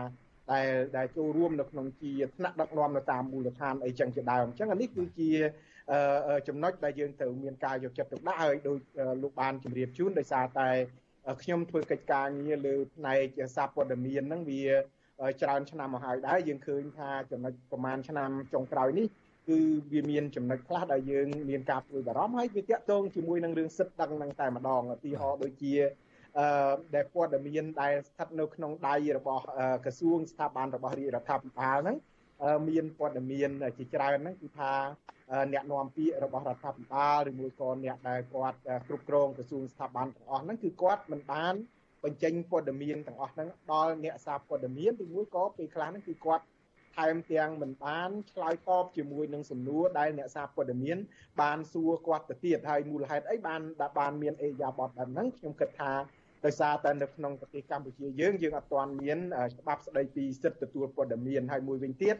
ប្រហែលជាមកពីនៅក្នុងសង្គមយើងយើងមិនទាន់មានការយល់ដឹងឲ្យបានទូលំទូលាយ ប្រជាពលរដ្ឋគាត់មិនទាន់យល់ដឹងថាស្អីទៅសិទ្ធិដឹងហ្នឹងអីទៅជាសិទ្ធិទទួលព័ត៌មានហ្នឹងព្រោះកាលណាគាត់យល់ដឹងបានទូលំទូលាយគឺគាត់ត្រូវមានការទៀមទីឲ្យអ្នកដែលជាអ្នកផ្ដល់សេវាហ្នឹងគឺមន្ត្រីនៅតាមមូលដ្ឋានឬមួយក៏រដ្ឋាភិបាលហ្នឹងលោកផ្ដល់ឲ្យទៅប្រជាពលរដ្ឋឲ្យបានដឹងរឿងរ៉ាវផ្សេងផ្សេងដែល កើតមានឡើងនៅក្នុងសង្គមហើយជាពិសេសគឺផ្ដល់ព័ត៌មានទាំងអស់នោះទៅដល់ម្ចាស់ប្រទេសម្ចាស់អំណាចនឹងឯងបាទបាទអរគុណលោកណូពីបន្តិចទៀតយើងនឹងជជែកថាតើសិទ្ធិដឹងនេះវាមានសារៈសំខាន់យ៉ាងម៉េចខ្លះហើយប្រជាពលរដ្ឋនិងអ្នកសារព័ត៌មានគួរដឹងរឿងអ្វីខ្លះនៅក្នុងសង្គមនោះបាទហើយក៏ប៉ុន្តែមុននឹងទៅដល់ចំណុចនេះខ្ញុំចង់ជួននាទីទៅដល់លោកឡាមសុជាតិបន្តិចសិនតចង់ដឹងថាតើលោកមានចំណាប់អារម្មណ៍យ៉ាងម៉េចដែរចំពោះ ឆ្នាំនេះដែលអ្នកទាំងអស់គ្នាដែលអ្នកពាក់ព័ន្ធទាំងអស់រួមគំនិតគ្នាលើកយកប្រធានបទគួរឲ្យចាប់អារម្មណ៍មួយសិទ្ធិដឹងនេះនៅក្នុងទិវាសិទ្ធិទទួលបានសារសិទ្ធិទទួលបានព័ត៌មានអន្តរជាតិនេះបាទលោកឡំជាតិសូមអញ្ជើញបាទបាទបាទជំរាបសួរបាទពាក្យហ្នឹងយើងប្រើផ្សេងគ្នាអាស្រ័យទៅលើអ្នកនិយមប្រើប្រាស់យើងប្រើថាពាក្យសិទ្ធដឹង ឬសិទ្ធិទទួលព័ត៌មានឬក៏សេរីភាពព័ត៌មានសេរីភាពទទួលបានព័ត៌មានបាទអឺពាក្យ3ហ្នឹងអាស្រ័យលើអ្នកដែលប្រើប្រាស់អញ្ចឹងយើងប្រើមួយណាក៏ត្រឹមត្រូវដែរអញ្ចឹងសិទ្ធិដឹងវាស្រួលស្រួលប៉ុន្តែសិទ្ធិទទួលបានព័ត៌មាននេះវាឬសិទ្ធិដឹងនេះគឺមិនត្រឹមតែដឹងជាលក្ខខណ្ឌចាំសិទ្ធិ របស់មនុស្សជាសិទ្ធិរបស់ពលរដ្ឋដែលជាសិទ្ធិមូលដ្ឋានមួយ ដែលមុននឹងទៅធ្វើការសម្រេចចិត្តរឿងអីបានត្រឹមត្រូវវាមានលក្ខខណ្ឌដំបូងគេ គឺត្រូវតែដឹងឬក៏ត្រូវតែទទួលបានព័ត៌មានត្រឹមត្រូវច្បាស់លាស់ដើម្បីយើងធ្វើការសម្រេចចិត្តទៅលើមុខរបរការងារអាជីវកម្មទៅលើការងារអាជីពគ្រប់ប្រភេទគ្រប់ស្ថាប័នឯកជនរដ្ឋសង្គមស៊ីវិលជាពិសេសពលរដ្ឋអញ្ចឹងដើម្បីធ្វើការសម្រេចចិត្តប្រកបដោយការត្រឹមត្រូវគឺផ្អែកទៅលើ ការដឹងព័ត៌មានច្បាស់លាស់ហើយប្រទេសប្រកាន់លទ្ធិប្រជាធិបតេយ្យលើកកម្ពស់ការចូលរួមរបស់សាធារណជនប្រកបដោយអត្តន័យប្រកបដោយគុណភាពតតែប្រជាពលរដ្ឋនិងសាធារណជននឹងដឹងព័ត៌មានច្បាស់លាស់ពេញលេញបានអាចចូលរួមបាន ក្នុងលទ្ធិប្រជាធិបតេយ្យនៅក្នុងប្រទេសដែលរដ្ឋធម្មនុញ្ញប្រកាន់ប្រជាធិបតេយ្យនិងគោរពសិទ្ធិមនុស្សអញ្ចឹងការទទួលបានព័ត៌មាននេះជាលក្ខខណ្ឌដំបូងហើយចាំបាច់បើយើងនឹកឃើញកាលពីសម័យប៉ុលពតបើអត់មានបានទទួលព័ត៌មានអីទាំងអស់អញ្ចឹងយើងមិនអាចចូលរួមអីបានទាំងអស់សម្បីតែអឺនឹងហើយយើងបថុយជីវិតដើម្បី ស្ដាប់ព័ត៌មានលួចស្ដាប់ព័ត៌មានតាមរថយន្តអីហ្នឹងប៉ុន្តែប្រទេសប្រកាន់របបប្រជាធិបតេយ្យសេរី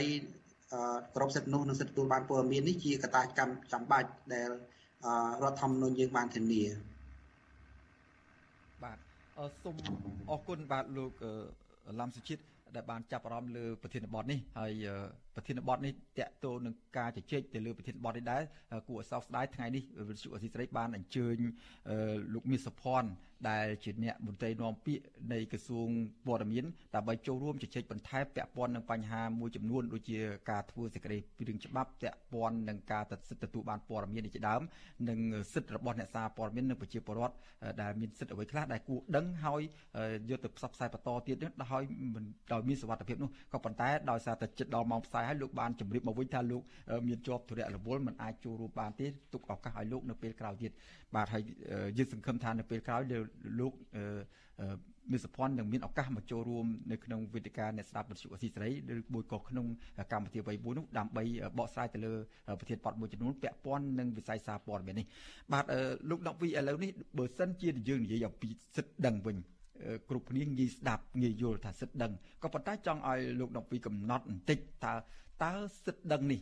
ប្រជាពលរដ្ឋនិងអ្នកសារព័ត៌មានប្រជាពលរដ្ឋពួកគាត់គួរ មានសិទ្ធិដឹងដឹងទៅលើអ្វីខ្លះហើយដឹងដើម្បីដឹងដើម្បីមានប្រយោជន៍នោះពួកគាត់បានដឹងហើយពួកគាត់មានទូរទស្សន៍អ្វីទៀតនៅក្នុងការដែលឬមួយក៏ដឹងហើយយកទៅផ្សព្វផ្សាយនោះហើយផ្សព្វផ្សាយរបៀបម៉េចដើម្បីឲ្យមានសវត្ថភាពដើម្បីកុំឲ្យមានការចោទប្រកាន់ប្រដឹងផ្ដាល់គ្នាអញ្ចឹងហើយចំពោះអ្នកសារព័ត៌មានវិញអឺគួគាត់គួរមានសិទ្ធិដឹងអ្វីខ្លះដើម្បីបំពេញ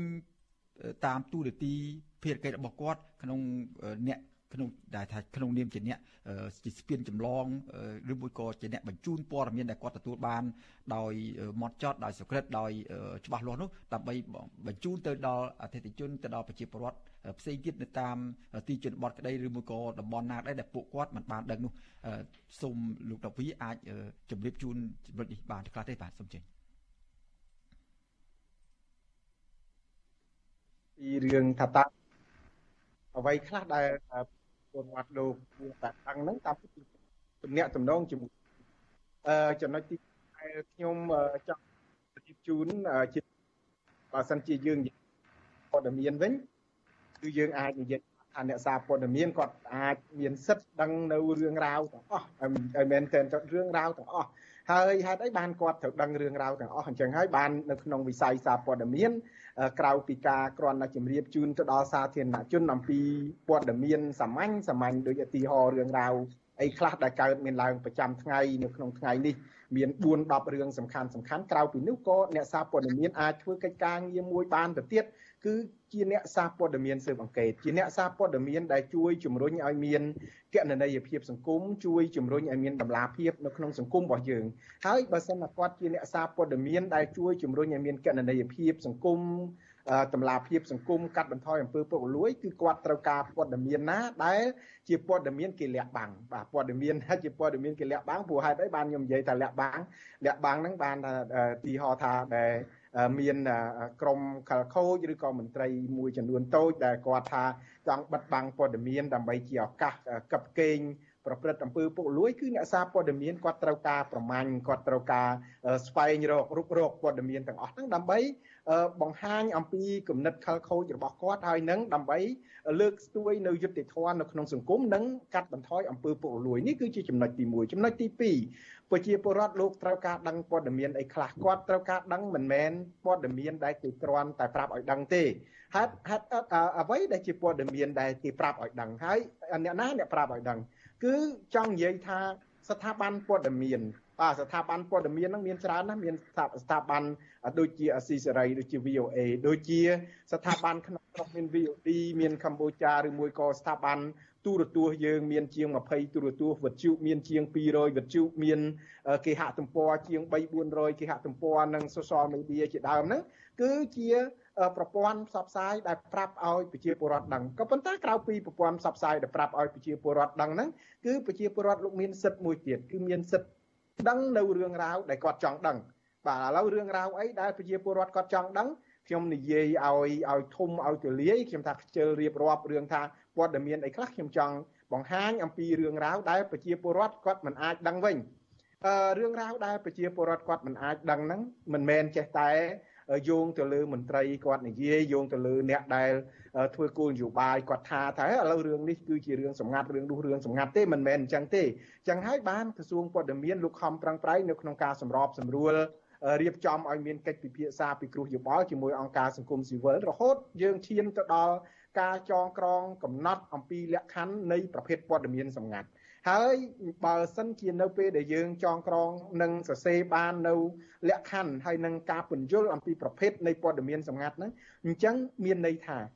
រាល់ព័ត៌មានទាំងឡាយណាដែលមិនស្ថិតនៅក្នុងភាពសម្ងាត់ដែលចែងដោយច្បាប់ស្តីពីសិទ្ធិទទួលព័ត៌មានគឺមានន័យថាប្រជាពលរដ្ឋលោកអាចមានសិទ្ធិដឹងទាំងអស់តើគាត់ដឹងដោយរបៀបណាគាត់អាចដឹងដោយមិនចាំបាច់ថា ទទួលបានព័ត៌មានពីស្ថាប័នសារព័ត៌មានពីព្រោះស្ថាប័នសារព័ត៌មានមានតិចហើយស្ថាប័នខ្លះក៏មានកម្រិតនៅក្នុងការផ្សព្វផ្សាយជូនប្រជាពលរដ្ឋទៅទៀតចឹងហើយប្រជាពលរដ្ឋលោកអាចនឹងសរសេរលិខិតលោកអាចនឹងផ្ញើសារឬក៏សរសេរជាសារតាមអេឡិចត្រូនិកដើម្បីទទួលបានព័ត៌មានឬមួយក៏ស្នើសុំព័ត៌មានពីស្ថាប័នសាធារណៈរបស់រដ្ឋស្ថាប័នណាខ្លះជាស្ថាប័នសាធារណៈរបស់រដ្ឋគេរាប់តាំងពីភូមិឃុំអីឡើងទៅអាហ្នឹងគេហៅថាស្ថាប័នសាធារណៈរបស់រដ្ឋហើយ ចឹងប្រជាពលរដ្ឋលោកចង់ដឹងព័ត៌មានអីគាត់អាចតាក់ទងទៅផ្ទាល់ឬមួយក៏គាត់ទៅមើលសាលាឃុំសាលាឃុំមានប័ណ្ណព័ត៌មានហ្នឹងទេបើគាត់ចង់ដឹងបើអត់មានប័ណ្ណទេគឺគាត់អាចស្នើសុំផ្ទាល់ជាមួយនឹងក្រុមប្រឹក្សាឃុំឬមួយក៏គាត់អាចសរសេរជាសារតាមទូរស័ព្ទឬមួយក៏ ដាក់លិខិតផ្ទាល់ទៅកាន់ដែលសាលាឃុំក្រុមប្រឹក្សាឃុំហ្នឹងដើម្បីឲ្យផ្ដល់ព័ត៌មានហ្នឹងជូនទៅដល់ពួកគាត់អានេះអានេះគឺជាប្រភេទព័ត៌មានដែលគាត់ត្រូវដឹងហើយបើសិនជាលោកសេងបណ្ឌិតសួរថាឥឡូវហេតុអីបានជាពលរដ្ឋគាត់ត្រូវដឹងព័ត៌មានទាំងអស់ហ្នឹងពីព្រោះពួកគាត់គឺជាម្ចាស់ពួកគាត់គឺជាអ្នកបង់ពន្ធគាត់បង់ពន្ធជូនរដ្ឋហើយរដ្ឋបានយកពន្ធទាំងអស់ហ្នឹងចាត់ចែង ដើម្បីផ្ដល់ជាប្រាក់ពិវត្តប្រាក់ខែមន្ត្រីរាជការសពគ្រប់បាទមានប៉ូលីសមានទាហានអីចឹងអញ្ចឹងប្រជាពលរដ្ឋដែលជាម្ចាស់គាត់ត្រូវសួរគាត់ត្រូវដឹងថាតើក្រោយពីគាត់បកគលគាត់រៀបចំបកគលផ្ដល់ប្រាក់ខែហ្នឹងតើរដ្ឋឬមួយក៏ស្ថាប័នជំនាញទាំងអស់ហ្នឹងបានធ្វើអីខ្លះបានគ្រប់គ្រងថវិកាដោយរបៀបណាគ្រប់គ្រងធនជាតិធានជាតិហ្នឹងដោយរបៀបណា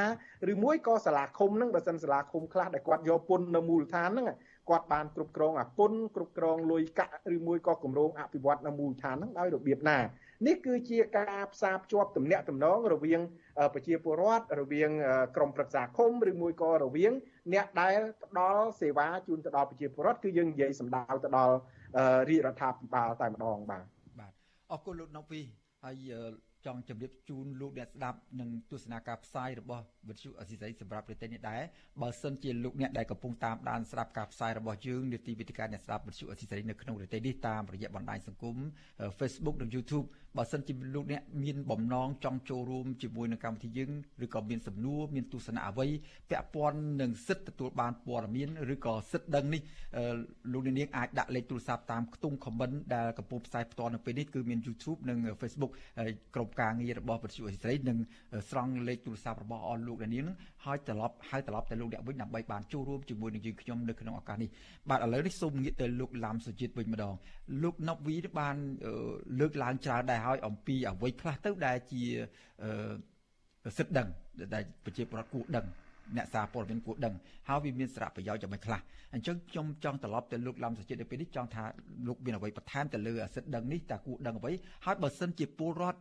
លោកបាត់បង់អ្នកសារព័ត៌មានលោកបាត់បង់នៅអាសិទ្ធិដឹងនេះវានឹងផ្ដល់គ្រោះថ្នាក់បច្ច័យអាក្រក់យ៉ាងម៉េចនិងមានវិបត្តិសម្រាប់សង្គមយ៉ាងដូចម្តេចដែរបាទសូមជើញបាទបាទអរគុណច្រើនសិទ្ធិទទួលបានព័ត៌មានឬក៏សិទ្ធិដឹងហ្នឹងវាជាធម្មជាតិនៃមនុស្សគ្រប់គ្នា ដែលជាសិទ្ធិមនុស្សហើយមនុស្សគ្រប់គ្នាតែងតែចេះចង់ចេះចង់ដឹងបាទ វាជាអាហារដ៏ចាំបាច់សម្រាប់ចំណេះដឹងសម្រាប់ស្ថាប័នសម្រាប់បុគ្គលសម្រាប់មនុស្សជាតិហើយសម្រាប់ស្ថាប័នអញ្ចឹងក្នុងសេចក្តីព្រៀងច្បាប់ដែលអង្គការសង្គមស៊ីវិលបានចូលរួមតាំងពីដើមទីមកជាពិសេសអង្គការជាស្ថានតស៊ូមតិអង្គនយោបាយ API យើងចូលរួមសម្រាប់សម្រួលអង្គការសង្គមស៊ីវិលចូលរួមតាំងពីដំណើរការតាក់តែងច្បាប់ដំណើរការស្នើសុំច្បាប់ សេចក្តីគោលការណ៍ព្រមគោលនយោបាយក្របខ័ណ្ឌសិទ្ធិទទួលព័ត៌មានតាំងពីនៅក្រសួងទំនាក់ទំនងរដ្ឋសភាព្រឹទ្ធសភាអន្តរការកិច្ចនិងដែលស្នើច្បាប់ដោយគណៈបកសង្គ្រោះជាតិកាលពីអាណត្តិមុនអញ្ចឹងយើងចូលរួមគ្រប់ជំហានតាំងពីដើមទីមកពី2003មកដល់ឥឡូវអញ្ចឹងយើងគិតថាជាង10ឆ្នាំជិត20ឆ្នាំហើយសិទ្ធិ តាមខ្លឹមសារសេចក្តីព្រាងច្បាប់ចុងក្រោយស្តីពីសិទ្ធិទទួលបានព័ត៌មាននេះគឺមានន័យថាប្រជាពលរដ្ឋមានសិទ្ធិដឹងនៅរាល់ប្រតិបត្តិការការងារបំពេញការងារទាំងអស់របស់ស្ថាប័នរដ្ឋទាំងស្ថាប័នតឡាការទាំងស្ថាប័នទាំងអស់ដែលក្រមក្នុងប្រទេសកម្ពុជាតែព័ត៌មានទាំងអស់ហ្នឹងគឺជាព័ត៌មានសាធារណៈដែលត្រូវដឹងដូចជា ព័ត៌មានស្ដីអំពីការបំពេញការងារសកម្មភាពការងារលទ្ធផលការងារផែនការអភិវឌ្ឍគោលនយោបាយសេចក្តីព្រៀងគោលនយោបាយច្បាប់បទដ្ឋានផែនការថ្នាក់ជាតិថ្នាក់ក្រមជាតិព័ត៌មានពីថវិកាព័ត៌មានពីវិនិយោគនិងសេចក្តីសម្រេចនានានិងនីតិវិធីប្រព័ន្ធតុលាការទាំងអស់ដែលជាផលប្រយោជន៍សាធារណៈហើយមានតែព័ត៌មានទាំងអស់ហ្នឹងគឺសំខាន់ តាំងពីការងារហើយជាពិសេសព័ត៌មានអំពីគម្រោងអភិវឌ្ឍគម្រោងវិនិយោគហើយនិងសេដ្ឋកិច្ចសង្គមវប្បធម៌មានតែព័ត៌មានតិចតួចបំផុតដែលត្រូវបានកំណត់ជាព័ត៌មានសម្ងាត់ដែលនៅក្នុងសេចក្តីព្រៀងច្បាប់បច្ចុប្បន្នចុងក្រោយនេះបានចែងមានព័ត៌មានដូចជាយុទ្ធសាស្ត្រយោធាព័ត៌មានស្ដីពីសន្តិសុខជាតិព័ត៌មានអំពីសម្ងាត់ពាណិជ្ជកម្មតាក់ទងនឹងឧទាហរណ៍ថាអត្រាប្តូរប្រាក់ ស្អែកឆាន់ស្អែកយើងមិនដឹងថាឡើងឬចុះព័ត៌មានតាក់ទងនឹងសម្ងាត់ពាណិជ្ជកម្មនឹងយុទ្ធសាស្ត្រយុទ្ធវិធីប្រកបមុខរបរដោយយុទ្ធធរសេរីប្រកួតប្រជែងអញ្ចឹងមានព័ត៌មានរឿងបុគ្គលដូចថាយើងមិនមែនជាមន្ត្រីសាធារណៈមន្ត្រីរាជការទេយើងជាបុគ្គលឯកជនធម្មតាពាក់ព័ន្ធនឹងព័ត៌មានឯកជនភាព ពីព័ត៌មានរឿងបុគ្គលគ្រួសារឬក៏ជំងឺឬក៏ស្ថានភាពសេដ្ឋកិច្ចឬផ្ទាល់ខ្លួនដែលជាមិនមែនជាបុគ្គលសាធារណៈអញ្ចឹងមានព័ត៌មានជាក់លាក់លើកលែងតិចតួចណាស់ដែលជាព័ត៌មានសម្ងាត់ប៉ុន្តែក្រៅពីនោះទាំងអស់គឺចាត់ទុកថាជាព័ត៌មានសាធារណៈបាទសូមអរគុណចុះចំណុចមួយទៀតបើសិនជាខ្ញុំបានសួរមុននេះតើបើសិនជាសិទ្ធអស់ទាំងនេះសិទ្ធទទួលបានដឹង សិទ្ធទទួលបានព័ត៌មាននេះត្រូវបានគេរំលោភបានអាជ្ញាធររំលោភឬក៏ស្ថាប័នណាមួយពាក់ព័ន្ធរំលោភទៅវិញធ្វើឲ្យពលរដ្ឋធ្វើឲ្យអ្នកសារព័ត៌មានបាត់បង់នៅសិទ្ធអស់ទាំងនេះវាផ្ដល់បច្ច័យអាក្រក់យ៉ាងម៉េចទៅដល់ការអភិវឌ្ឍទៅដល់ការកសាងនៅលទ្ធិប្រជាធិបតេយ្យនិងសិទ្ធិមនុស្សនៅកម្ពុជានោះបាទលោកឡាប់សុជាតិបាទបាទផលប៉ះពាល់យើងនឹងថាសារៈបើយើងនិយាយពីសារៈសំខាន់សិទ្ធិទទួលព័ត៌មានវាមានសារៈសំខាន់សម្រាប់ទាំងអស់គ្នា អឺបើសិនជាយើងអត់មានសិទ្ធិទទួលបានព័ត៌មានទាំងអស់ទេអាជីវកម្មក៏មិនបានសម្រេចចិត្តវិនិយោគត្រឹមត្រូវការអភិវឌ្ឍក៏មិនអាចអភិវឌ្ឍវែងឆ្ងាយយូរវែងច្បាស់លាស់ហើយការងារវិជ្ជាជីវៈប្រកបមុខរបរគ្រប់ប្រភេទការសម្រេចចិត្តទាំងអស់ហ្នឹងអាចប្រឈមមុខនឹងអឺហានិភ័យខ្ពស់ដោយសារយើងអត់បានទទួលបានព័ត៌មានអញ្ចឹងប្រជាពលរដ្ឋគឺត្រូវបានដោយថាអត់មានព័ត៌មានអត់មានផុសតាង អត់មានដូចជាខ្វះផុសតាងព័ត៌មានដែលអាចនឹងកើតឡើងទៅបច្ចុប្បន្ននិងអនាគតអញ្ចឹងគឺមានន័យថាគាត់បាត់បង់នូវសិទ្ធិសិទ្ធិជាមូលដ្ឋានហើយសិទ្ធិចាំបាច់ដើម្បីចូលរួមសកម្មជាពលរដ្ឋសកម្មនៅក្នុងបញ្ហាសង្គមសេដ្ឋកិច្ចហើយរដ្ឋាភិបាលបានដាក់គោលដៅឲ្យប្រទេសដែលមានការចូលរួមជាសាធារណៈហើយការចូលរួមនោះនឹងមិនមានគុណភាពទេចូលរួមបានត្រឹមតែ មានវត្តមានប៉ុន្តែมันបានចូលរួមឲ្យពេញលេញដោយសារគាត់ខ្វះព័ត៌មានគ្រប់ជ្រុងជ្រោយក្នុងការចូលរួមអញ្ចឹងមតិយោបល់នៃការចូលរួមក៏ខ្វះគុណភាពអញ្ចឹងការធ្វើផែនការអនាគតมันអាចធ្វើផែនការគ្រប់វិស័យมันអាចមានភាពសក្រិតត្រឹមត្រូវកម្រិតខ្ពស់បានទេបើខ្វែនខ្វះព័ត៌មានគ្រប់ជ្រុងជ្រោយក្នុងការវិភាគអញ្ចឹងគ្រប់គ្នាសិតតែចង់បានព័ត៌មានក្នុងការវិភាគលើគម្រោងអភិវឌ្ឍគម្រោងវិនិយោគជាពិសេសព័ត៌មានដែលផលប៉ះពាល់និងផលចំណេញ នានាហ្នឹងបាទអញ្ចឹងបើប៉ះបើសិនជាអត់បានទទួលព័ត៌មានទេ អ្នកកសែតអ្នកសារព័ត៌មានក៏អាវិជាជីវៈគាត់ក៏មិនបានព័ត៌មានជ្រោយអញ្ចឹងអាគុណភាពនៃព័ត៌មាននៃការដែលគាត់សរសេរផ្សព្វផ្សាយក៏វាខ្វះវាខ្វះជ្រុងនៃព័ត៌មានណាមួយដែលខ្វះព័ត៌មានបែបផុសតាងច្បាស់លាស់គ្រប់គ្រាន់ត្រឹមត្រូវហើយវិជាពលរដ្ឋមានការសន្និដ្ឋានឬក៏ពាក្យចាំអារាមច្រើនជាងព័ត៌មានអញ្ចឹងដល់ពេលណាដែលមានព័ត៌មានមិនគ្រប់អញ្ចឹងអាព័ត៌មានតាមរាមនឹងវាអាចច្រើនឬថាព័ត៌មានដែលមិនការពិតឬក៏ព័ត៌មានខ្លាំងខ្លាយវាអាចច្រើនអញ្ចឹងរដ្ឋាភិបាលតើផ្សព្វផ្សាយព័ត៌មានពិតទលំទលាយគ្រប់គ្រាន់ទាន់ពេលរហ័សទុកចិត្តបានมันអាចកាត់បន្ថយអាព័ត៌មានចាំរាមឬក៏ព័ត៌មានខ្លាំងខ្លាយបានដោយស្វ័យវត្តហើយវាកាត់បន្ថយនៅចំនួនដែលចំនួនជាច្រើនដែលកើតឡើងលើពិភពលោកនេះចំនួនខ្លះគឺកើតឡើងពីការខ្វះព័ត៌មានហើយមានការសន្និដ្ឋានខុសយល់ច្រឡំកើតសង្គ្រាមទៀតណាមិនមែនសង្គ្រាមត្រឹមតែកម្រិត តូចទេសង្គ្រាមកម្រិតប្រទេសក៏ម្ដងជួនកាលដោយសារតែអ្នកយកព័ត៌មានយកការហ្នឹងព័ត៌មានវាខុសបាទអរគុណខ្ញុំខ្ញុំចូលចូលរួមអ្វីដែលលោកសុជាតិលោកបានលើកឡើងគ្រាន់តែចំណុចមួយទេខ្ញុំថាព័ត៌មាននេះបើសិនជាប្រជាពលរដ្ឋលោកទទួលបានទូលំទូលាយខ្ញុំគិតថាគឺបង្កើននៅទំនុកចិត្តបង្កើននៅការជឿជាក់ ពីប្រជាពលរដ្ឋទៅដល់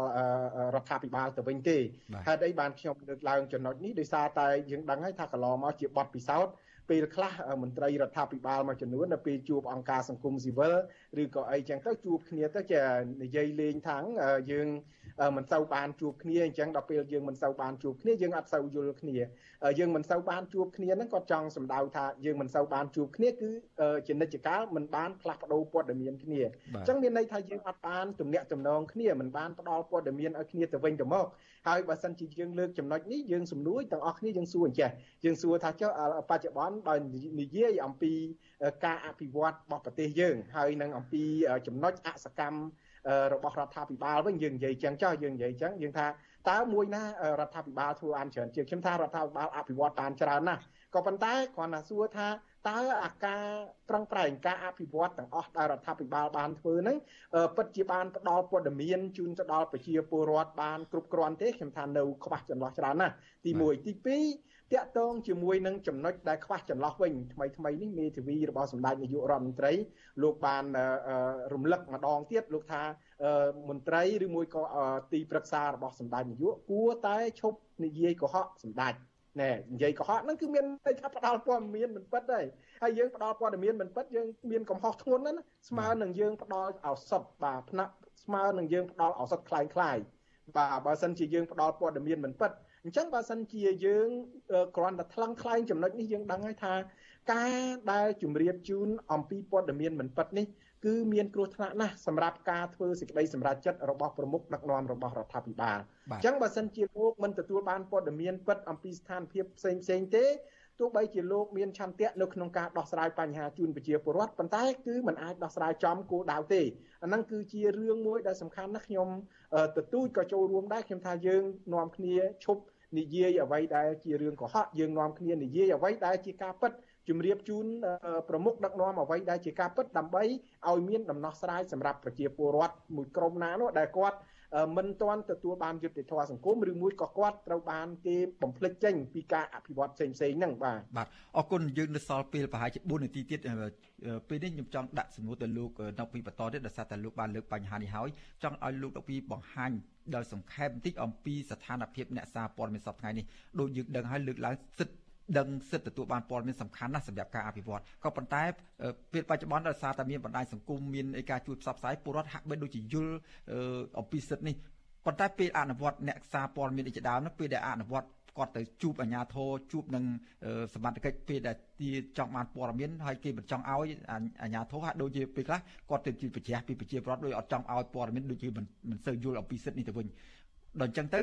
ធ្វើឲ្យមានការចោទប្រកាន់ទៅលើប្រជាពលរដ្ឋឬក៏អ្នកសាស្ត្រ អ្នកកសែតថាទៅជារំលោភទៅលើសមត្ថកិច្ច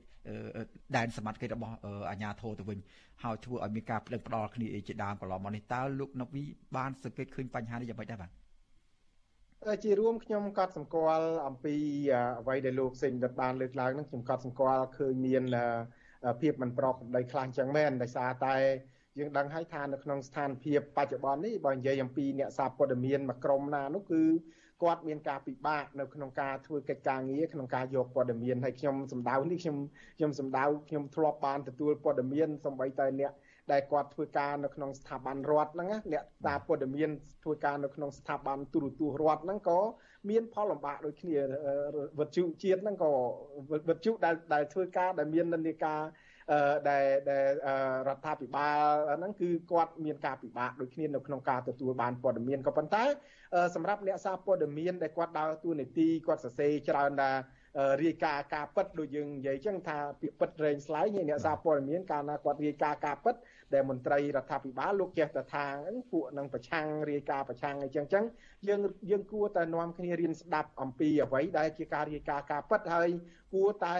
ផ្ដល់មធ្យោបាយគួរតែសម្រួលដើម្បីឲ្យពួកគាត់ទទួលបានព័ត៌មានទាំងអស់ហ្នឹងជាជាងយើងយើងបន្ទុចបង្អាក់រារាំងឬមួយក៏ព្យាយាមដកហូតនៅអ្វីដែលជាសម្ភារៈជាឧបករណ៍របស់អ្នកសារព័ត៌មានហ្នឹងយកទៅហើយលុបរូបលុបសំឡេងលុបអីរបស់ពួកគាត់ហ្នឹងទី1ទី2 យើងយើងទទួលស្គាល់ទាំងអស់គ្នាថានៅក្នុងស្ថានភាពនៃការរីកចម្រើននៃបច្ចេកវិទ្យាព័ត៌មាននេះចេះហើយនឹងការយល់ដឹងរបស់ប្រជាពលរដ្ឋយើងមានតែនាំគ្នាធ្វើម៉េចផ្ដល់ព័ត៌មានផ្ដល់មធ្យោបាយនៃការផ្ដល់ព័ត៌មានណាឲ្យបានច្រើនតាមដែលអាចធ្វើទៅបានដើម្បីឲ្យប្រជាពលរដ្ឋគាត់យល់គាត់ដឹង ជាជាងយើងយើងបន្ទុចបង្អាក់យើងរៀបរៀងសម្រាប់ការងាររបស់អ្នកសារព័ត៌មានព្រោះហេតុអីបានខ្ញុំថាអញ្ចឹងដូចឥឡូវយើងកណីនៅពលានយន្តហោះអញ្ចឹងពលានយន្តហោះថ្មីយើងដឹងហើយទោះបីជាមានការហាមឃាត់ឲ្យមិនឲ្យអ្នកសារព័ត៌មានចូលមែនក៏ប៉ុន្តែប្រជាពលរដ្ឋលោកថតវីដេអូលោកផ្សព្វផ្សាយអីមកកកោកអញ្ចឹងខ្ញុំគិតថាអ្នកសារព័ត៌មានគាត់មានវិជ្ជាជីវៈច្រើនគាត់រាយការណ៍អំពីព័ត៌មានមានបាឡិនមានអីចឹងទៅហើយចំណុចមួយទៀតដែលខ្ញុំចង់បញ្ជាក់ដែរខ្ញុំក៏ថ្លែងអំណរគុណដល់ក្រសួងព័ត៌មានហើយនិងក្រសួងមហាផ្ទៃដែរព្រោះពេលថ្មីថ្មីនេះក្រោយពេលដែលយើងបានជម្រាបជូនគាត់អំពីបញ្ហាដែលបានកើតមានឡើងហើយជាពិសេសគឺដែលមន្ត្រីនៅមូលដ្ឋានមួយចំនួនគាត់មិនទាន់មានការយល់ដឹងច្បាស់អំពីទួលនីតិហើយនិងសិទ្ធិរបស់អ្នកសារព័ត៌មានអញ្ចឹងពេលខ្លះមានការប៉ះទង្គិចគ្នាប៉ុន្តែយ៉ាងណាក្តីនៅពេលដែលយើងបានជម្រាបជូនដល់ថ្នាក់ដឹកនាំនៃក្រសួងទាំងពីរយើងឃើញមានការដែលអន្តរាគមការការ ពិនិត្យការសួរបញ្ជាក់អំពីបញ្ហាទាំងអស់ហ្នឹងហើយយើងសង្ឃឹមថា ក្រសួងព័ត៌មាននិងក្រសួងហាផ្ទៃលោកនឹងបន្តនៅការប្រឹងប្រែងក្នុងការជួយលោកនៅពីដោយសារតែពេលវេលាយើងបានដល់ទីបញ្ចប់ហើយនៅក្នុងការជជែកពិសាក្នុងនីតិវិទ្យាអ្នកស្ដាប់សម្រាប់ប្រទេសនេះហើយខ្ញុំបាទសូមអរគុណដែរដល់ពេលពិនទៅពីរូបគឺលោកណប់វីនិងលោកឡាំសចិត្តដែលបានចំណាយពេលចូលរួមកិច្ចពិសានេះហើយដោយសារពេលវេលាបានដល់ហើយខ្ញុំបាទសូមគ្រប់លានលោកទាំងពីរទៅប៉ុណ្្នេះសិនហើយសន្យានឹងសង្ឃឹមថានឹងបានជួបគ្នាពេលក្រោយទៀតបាទបាទអរគុណលោកសេច បាទលោកនាងកញ្ញាជាទីមេត្រីចំពោះលោកនាងដែលកំពុងតាមដានស្ដាប់ការផ្សាយរបស់យើងតាមរយៈរលកធាតុអាកាសខ្លី Shortwave នោះមិនលឺយើងខ្ញុំទៀតទេក៏ប៉ុន្តែលោកនាងដែលកំពុងតាមដានស្ដាប់ការផ្សាយរបស់វិទ្យុអស៊ីសេរីតាមរយៈបណ្ដាញសង្គម Facebook និង YouTube នៅតែបន្តតាមដានស្ដាប់ការផ្សាយរបស់យើងជាបន្តទៀតហើយការជជែកបន្តទៀតនៅពេលខាងមុខនេះយើងនឹងជជែកអំពីបញ្ហាប្រាក់ខែរបស់កម្ម